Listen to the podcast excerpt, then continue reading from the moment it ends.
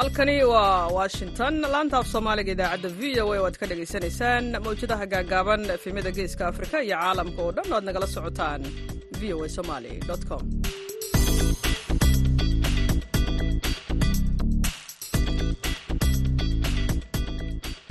Duhur wanaagsan ah dhegaystayaal dhammaantiinba waa maalin sabti ah. Bisha februaayo waa saddex sanadku waa laba kun afar iyo labaatan. Afrikada bari saacaddu waxa ay tilmaamaysaa kowda iyo barka duhurnimo washington d c waa shanta iyo barka aroornimo idaacadda duhurnimona waxaa idinla socodsiinaya aniga ah cashe ibraahim aadan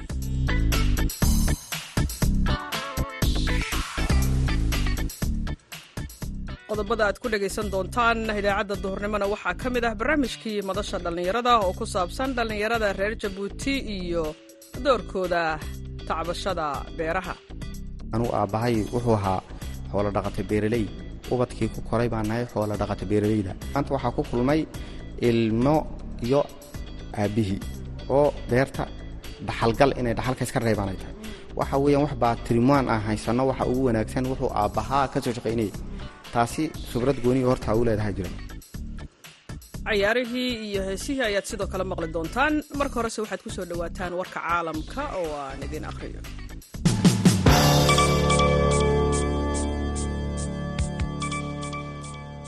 maraykanka ayaa bilaabay inuu duqaymo xagga cirka ah ka fuliyo bariga dhexe kuwaas oo uu kaga argoosanayo weeraradii weerarkii khasaaraha badan dheliyey ee diyaaradahan duuliyaha la soconaya axaddii ku qaadeen saldhigay ciidamada maraykanka ku leeyihiin urdun. Taliska dhexe ee ciidamada maraykanka ayaa sheegay in ciidamadooda ay jimcihii sida hadalka loo dhigay duqaymo xagga cirka ah ka fuliyeen ciraaq iyo suuriya kuwaas oo lala beegsaday ciidamada qudus ee ka tirsan ciidanka ilaalada kacaanka islaamiga ah ee iiraan ee loo soo gaabiyo i r g c iyo kooxo maleeshiyaad ah oo taabacsan. Ciidamada militariga maraykanka ayaa waxa ay duqeeyeen in ka badan shan iyo siddeetan bartilmaameed iyadoo diyaarado badan oo ay ka mid yihiin kuwa meelaha fog wax ka duqeeya laga soo duuliyey maraykanka ayaa lagu yiri bayaanka ka soo baxay taliska ciraaq ayaa waxaa la sheegay in la wargeliyey laguna wargeliyey weerarada ka hor sida ay sheegeen saraakiisha maraykanka laakiin waxa aan la sii wargelinin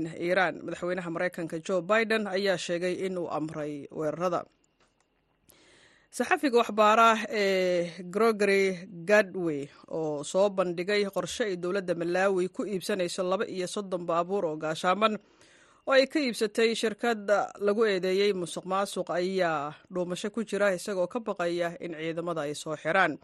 Sheeko la daabacay isniintii ayaa grogery oo la shaqeeya platform for investigative journalism waxa uu soo xigtay saraakiil ciidan oo aan la magacaabin oo sheegay in ciidanka difaaca malaawi uu siiyey shirkad xiriir la leh ganacsade la yidhaahdo zunes satar malaayiin dollar oo qalabka militariga ah satar ayaa waxa uu wajahayaa eedeymo ku saabsan xagga musuq maasuqa sheekada waxa ay sheegtay in wax kala iibsigaasi ay ku lug lahayd lacag dhan afar dhibic sagaashan iyo sideed milyan oo dollar taas oo qayb ka ah ama qayb ka mid ah ku dhowaad labaatan milyan oo dollar oo heshiis ah oo lagu soo iibsanayo laba iyo soddon baabuur oo gaashaaman oo loogu talagalay ciidamada difaaca ee dalka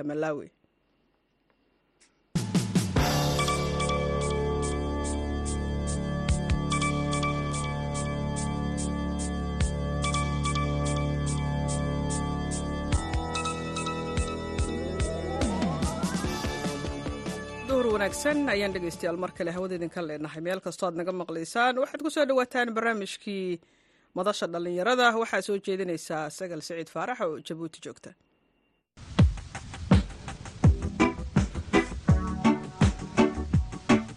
Kulanti wanaagsan dhegeystayaal dhammaantiiba meel waliba ood naga dhegaysanaysaan waa mar kale iyo madasha. Waxaana barnaamijka idiin daadahayn doonta anigoo ah sagal siciid faarax toddobaadkan barnaamijkeena madasha dhallinyarada waxaynu ku soo qaadanaynaa beeraleyda dalka jabuuti gaar ahaana dhallinyarada oo baahi weyn u qabta in loo soo saaro biyaha ku jira dhulka hoostiisa si ay beerahooda ugu waraabsadaan islamarkaana ay wax badan ugala soo baxaan beeraha kuwaas oo ay iib geystaan si ay baahidooda ugu daboolaan.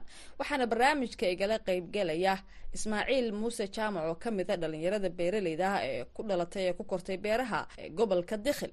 Waxa uuna iga waramayaa ismaaciil sida ay biyaha baahi ugu qabaan waxyaabaha loo qabtay iyo waxa ay xagga dowladda ka sugayaan horta mid maanta wallaahi brojeyga ugu weynaabaa siidka ka dhacay.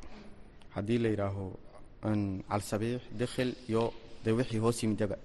Taasi oo horta maanta la odhan karayo wasaaradda beeraha maanta boqolkiiba boqol wax aada u weyn bay nala qabatay. Excellence mudane maxay ahaydeen? Maxamed cawaale oo secretary jarnaalkuna uu yahay kuwa maareeya dhaka brojega ibraahim cilmi.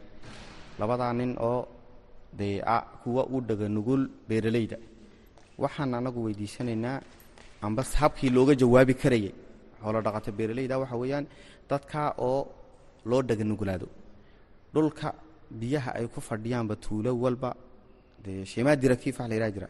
Naababka oo dhan wasaaradda beerahu waxay ku haysataa combyuter bay ku haysataa. Xilligaa waxa weeyaan inay dadkaasi dee beer maahan iminka aan beer ka yar egtaar ka yar beer beer lama odhan karayo xilligaa beertu waxa weeyaan qofkiiba inuu helo hadday ugu yartahay shan egtaar iminka komberatiifkeenna mulud anuu aabbahay wuxuu ahaa xoolo dhaqata beeraley. Ubadkii ku koray baa nahay xoolo dhaqata beeralayda maanta waxaa ku kulmay ilmo iyo aabbihii oo beerta dhaxalgal inay dhaxalka iska reebaan ay tahay.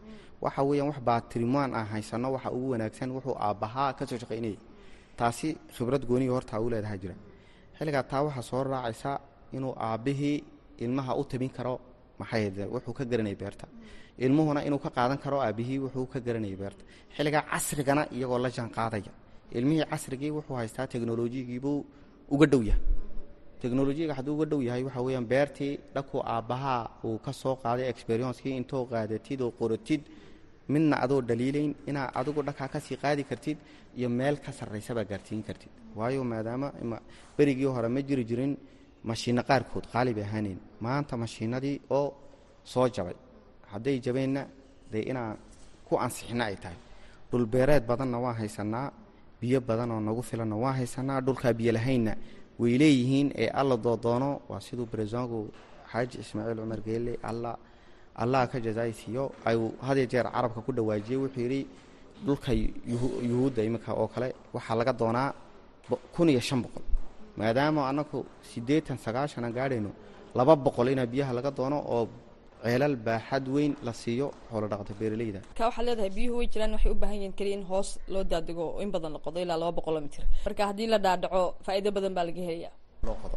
Xilligaa waxa weeyaan laba boqoloo mitir inaa hoos loo qodo oo ceelal naababka dee siddeetan xilligaan gaadhno waan joogsanaaba ceelkoo boqoliyo ka tonqoraya ayaan ku ridnaa maxay ahayd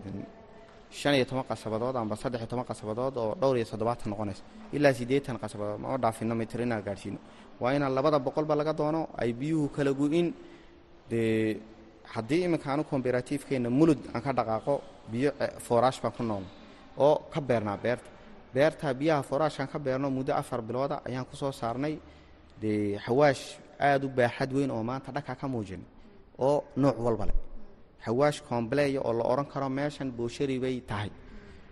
Oo haddii balaas aan ka qaadanno sariibadaha waaweyn aan qayb libaax ka gali karno. Xilligaa waxa weeyaan biyaha fooraashka ina fooraasha u gaara beeruhu yeeshaan. Dadka waa meel biyaha lagu kaydiyo oo waxa weeyaan ceelashan ceelashan ee dhulka hoosteeda ee dhaadheera dhulka hoosteeda laga qodo. Xilligaa ceelashaasi waa waa dee biyo baaxad weyn oo ilaahay hoose noo dhigay.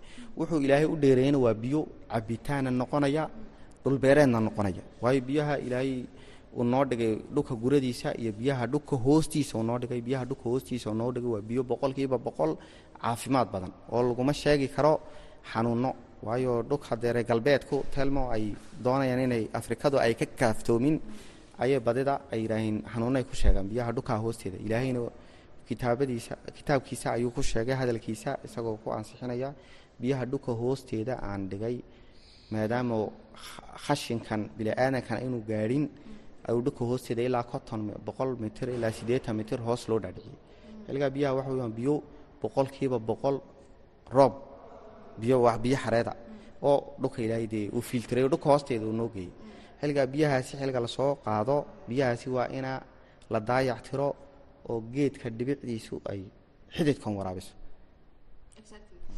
See lagu ogaada marka inay biyaha ku jiraan.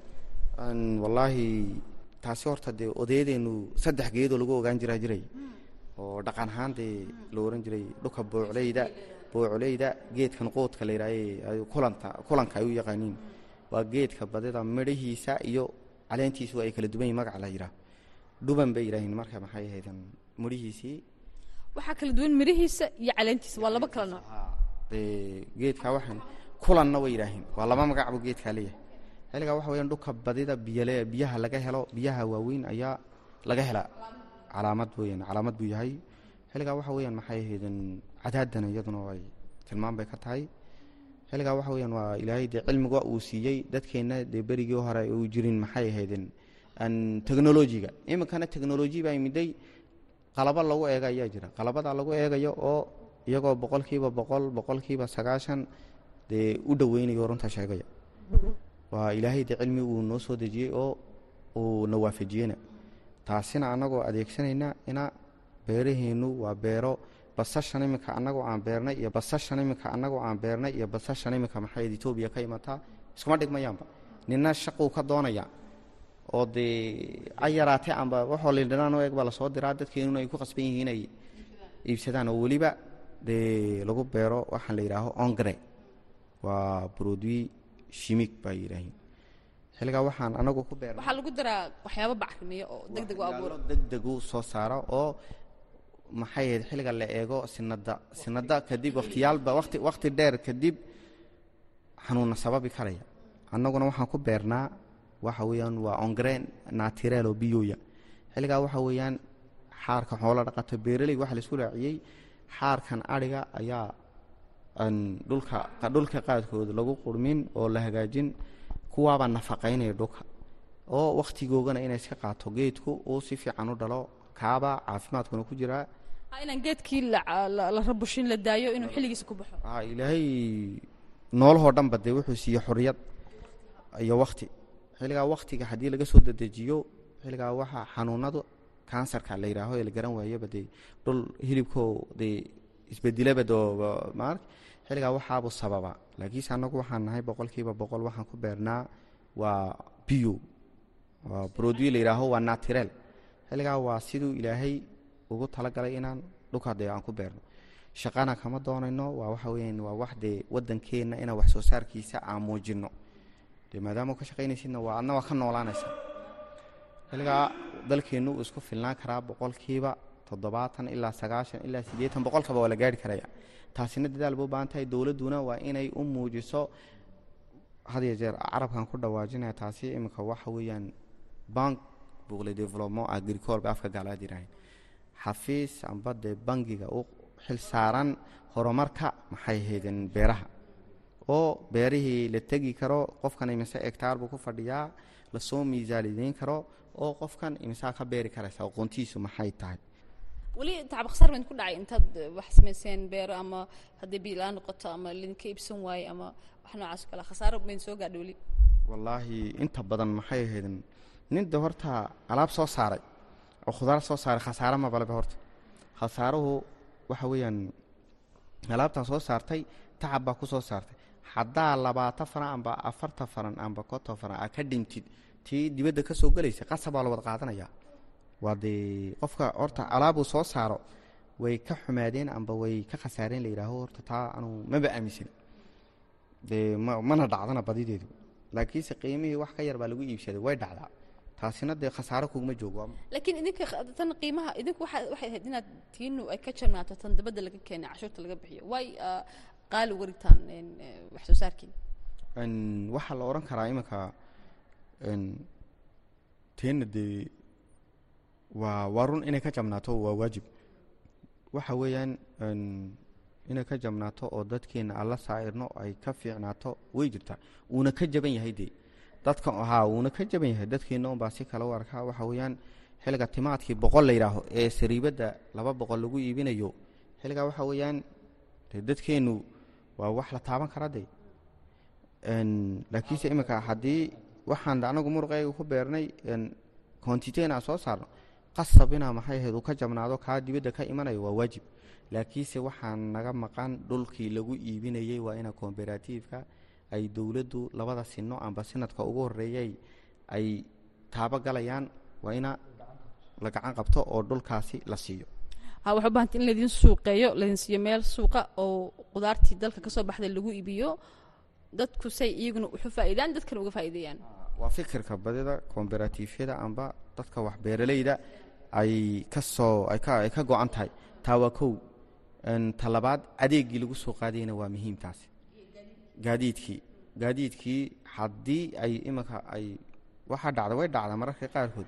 Adoo soo guray uu gaadhigii uu iska soo buuxsado. Waa gaadhidii shicib oo iska shaqaysanaya hadduu dhakaa wax ka hela dee aduu kula ballamay uu kaa boodaya. Uu ku gara mara sida tamaadkaoo kale. Laba cisho hadduu ku gara maro maalinta saddexaad timaadkima gaadhigo. Mana haysanno dhul firigooya oo aan ku kaydino. Laakiinse fikradda bayaashin mar la siiyey baa jirta ina aan transformayn karno aan bedeli karno. Oo ka dhigi karno qasaac timaadkii la warshadayn karo oo timaad qasaac ka dhigi karno amba confitiir ka dhigi karno. Amba kitshopkan waxay yidhaahiin dee timaadkan aan haa lagu daro maxay cuntada baastada sirtuu aa lagu cuno. Xilligaa waxa weeyaan intaaba dee formaasiyonada way jiraan waana tababarka waan qaadanay. Xilligaa waxa weeyaan in la xoojiyo. Laakiin taas waxay noqonaysaa wax dheer waxaa idiin sahlan inaad heshaan gaadiid markiiba idiin soo qaado wixiinu ha waa ta koobaad inaa gaadiid helno markaaba maxay? Xilligaa waa iska bixin karaan. Nool waan bixinaa mar walba oo alaabteedu bilaa nool kuma tegto dhulka suuqyada. Laakiinse noolkaasi gacanqabadka a mar walba leeyahay had iyo jeer waa inuu xafiis maalgashida uu jiro oo beeraleyda horumaraya. Oo qofka beeraleyda la amaahin karo lacag ribada horta ribada shayga ribada la yidhaaho dal muslimaan nahay waa shayga dadka kala baabiisaba xilligaa waa la odhan karaa dowladdu ha lacag nadiifa oo bilaa riba material amba gali karta. Dee material badida ha noqoto inta ugu badan gali karta materialkii qalabaynta xilligaa hadda wixii waa la soo saaraya. Iyo shaqaalaha yaree ka shaqaynayo hadduu qofku laba iyo saddex shaqaysiiyo beertaasi dee kama weyno aan hegtaar laakiinse haddii uu shaqaalo ilaa toban iyo wax ka badan shaqaysiinayo lixda bilood ee ugu horeysa wuxuu ku soo gaa saddex biloodba lixda bilood ee ugu horreeya loo qadimo lacagtoodii oo loo waxay. Xilligaa haddeed uu taabagalaya dee qofka ma soo laamayo. Waa qof dowladda haddeeta meel gacan libaax ka qabtay oo shaqo abuurna waxayn karaya taasina dhakaa laga eego. Guud ahaan waa naga intaa dhegeystayaal barnaamijkeenii madasha toddobaadkan. Anigoo asaga siciid faarax ayaa idiin daadahaynaysay. Waxaa idinkaga imanayay jabuuti. Tani iyo intaynu mar kale ku kulmi doonno barnaamij noocan iyo kala. Inta ka horeysa waxaan idinkaga tegayaa. Ammaano alla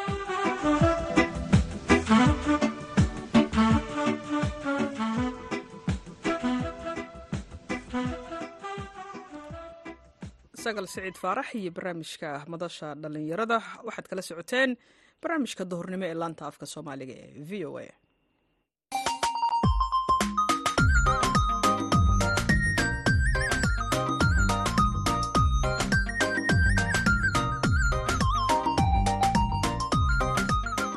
Bandhiga v o a.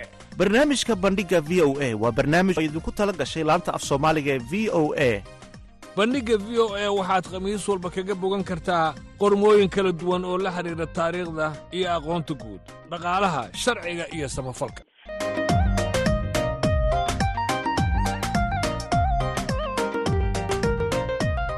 Haddii aad rabto inaad wax ka ogaato taariikhda dunida iyo aqoonta guud ha moogaan bandhigga v o a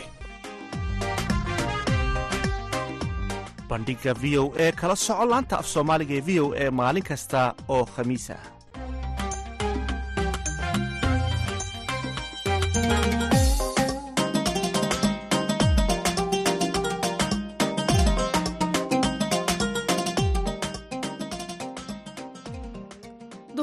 sabtiga wanaagsan ayaan mar kale hawada idinka leenahay dhegeystayaal meel kastoo aad naga maqlaysaan. Xiisadda ka taagan badda cas ayaa walaac badan waxay ku abuurtay guud ahaan caalamka gaar ahaan geeska afrika kadib markii ay sii xoogeysteen weerarada xuutiyiinta ay la beegsanayaan maraakiibta u socota israa'iil.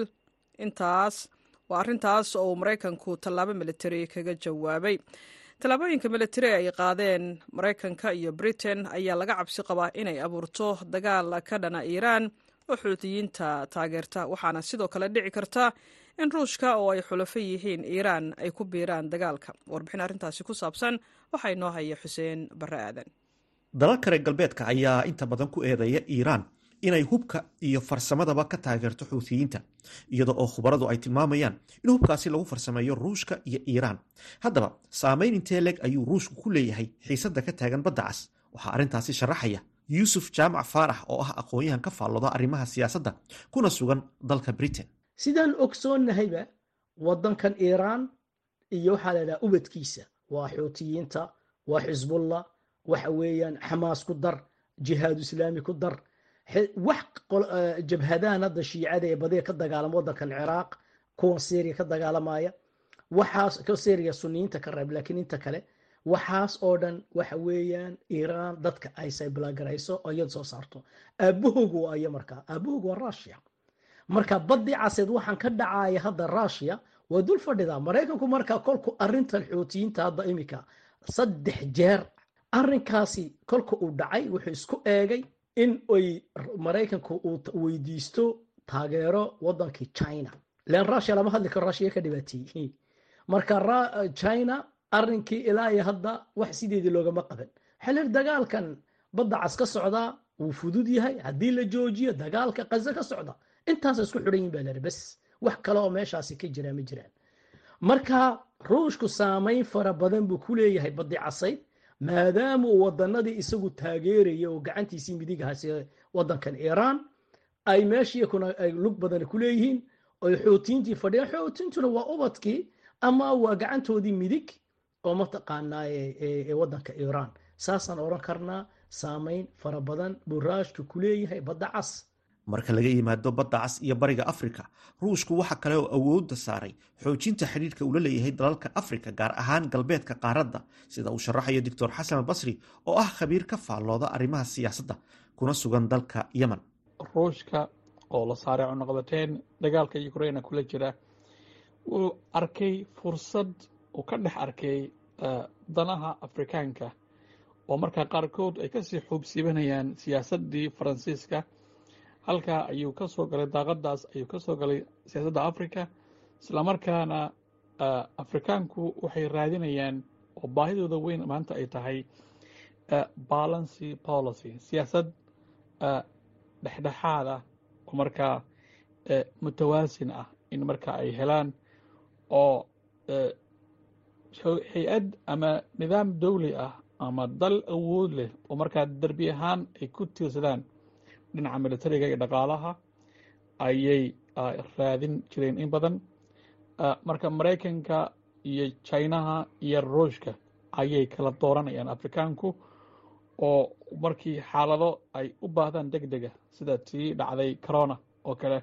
Marka baahidaas iyo mid lamida marka ay ka cararayaan afrikaanku hadda ayay sii qorsheynayaan inay marka dal awood leh oo sida ruushka iyo china oo kale gaar ahaana ruushka hadda ay kula jiraan heshiiska inay markaa ay ay la heshiiyaan ruushka si mustaqbalka dhow ay arrimaha iyo baahidaas loo daboolo.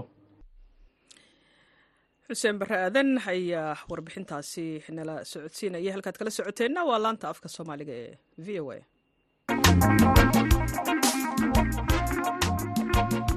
dhegeystayaasha v o a ee kenya waxay naga dhegaysan karaan efemyada v o a afrika ee magaalooyinka nairobi iyo mombasa. Nairobi waxaad naga heli kartaan efemta boqol iyo toddoba dhibic shan. Mombasana waxaad naga dhegaysan kartaan efemta boqol iyo toddoba dhibic sideed ha moogaan idaacadda v o a. Kuna xidhnow warka v o a iyo barnaamijyada kala duwan ee idaacadda ka baxa maalin kasta. Ka dhegayso efemyada v o a ee magaalooyinka muqdisho hargeysa nairobi mombasa iyo efemyada aan bahwadaagta nahay oo ka howlgala magaalooyinka soomaaliya qaar iyo meelo ka baxsan. Haddii ay ku seegaan macluumaadkeenna ha moogaan. Bogga aan ku leennahay internetka ee v o a somali com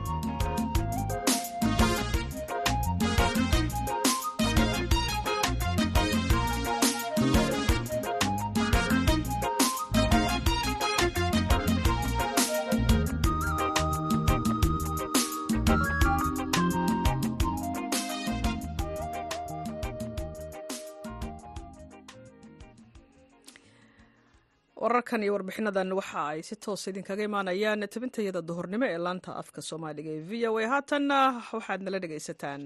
Heestan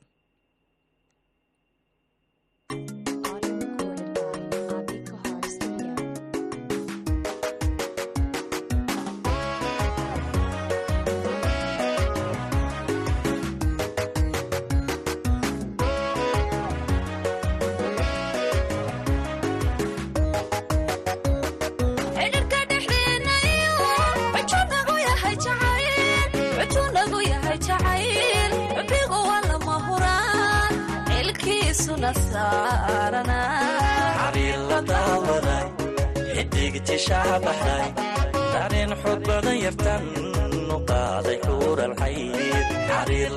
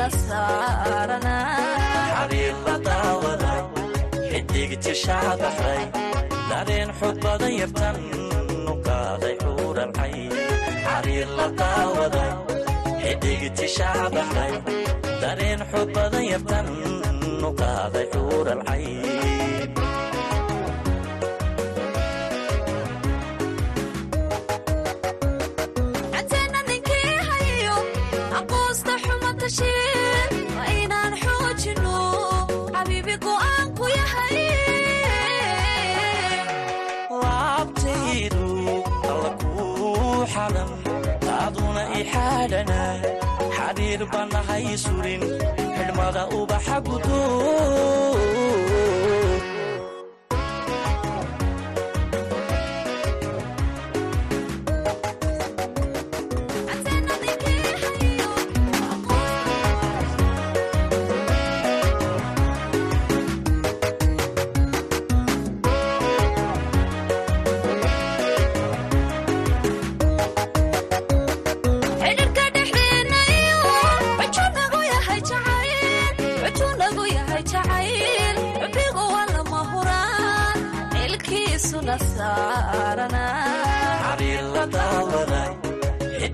xidigti shaabaxday dareen xoog badan yartan u qaaday xuuralxayd xariir la daawaday xidigti shaabaxday dareen xoog badan yartan u qaaday xuuralxayd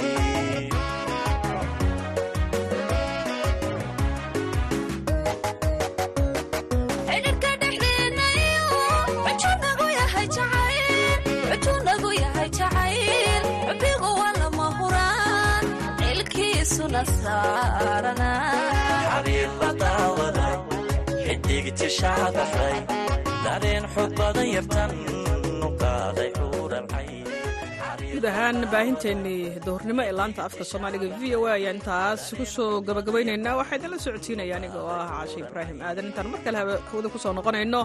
Aniga iyo maxamed cabdi xasan sandheere oo dhinaca farsamada inoo jooga waxaan idin leenahay nabadgelyo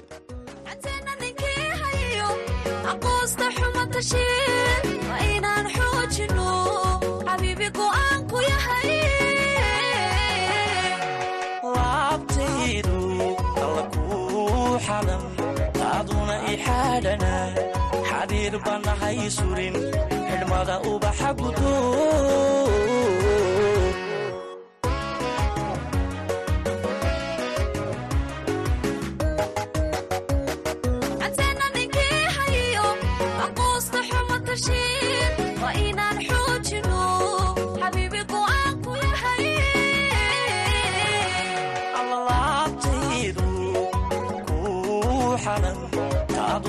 xaadhana xariir bannahay surin xidhmada ubaxa gudo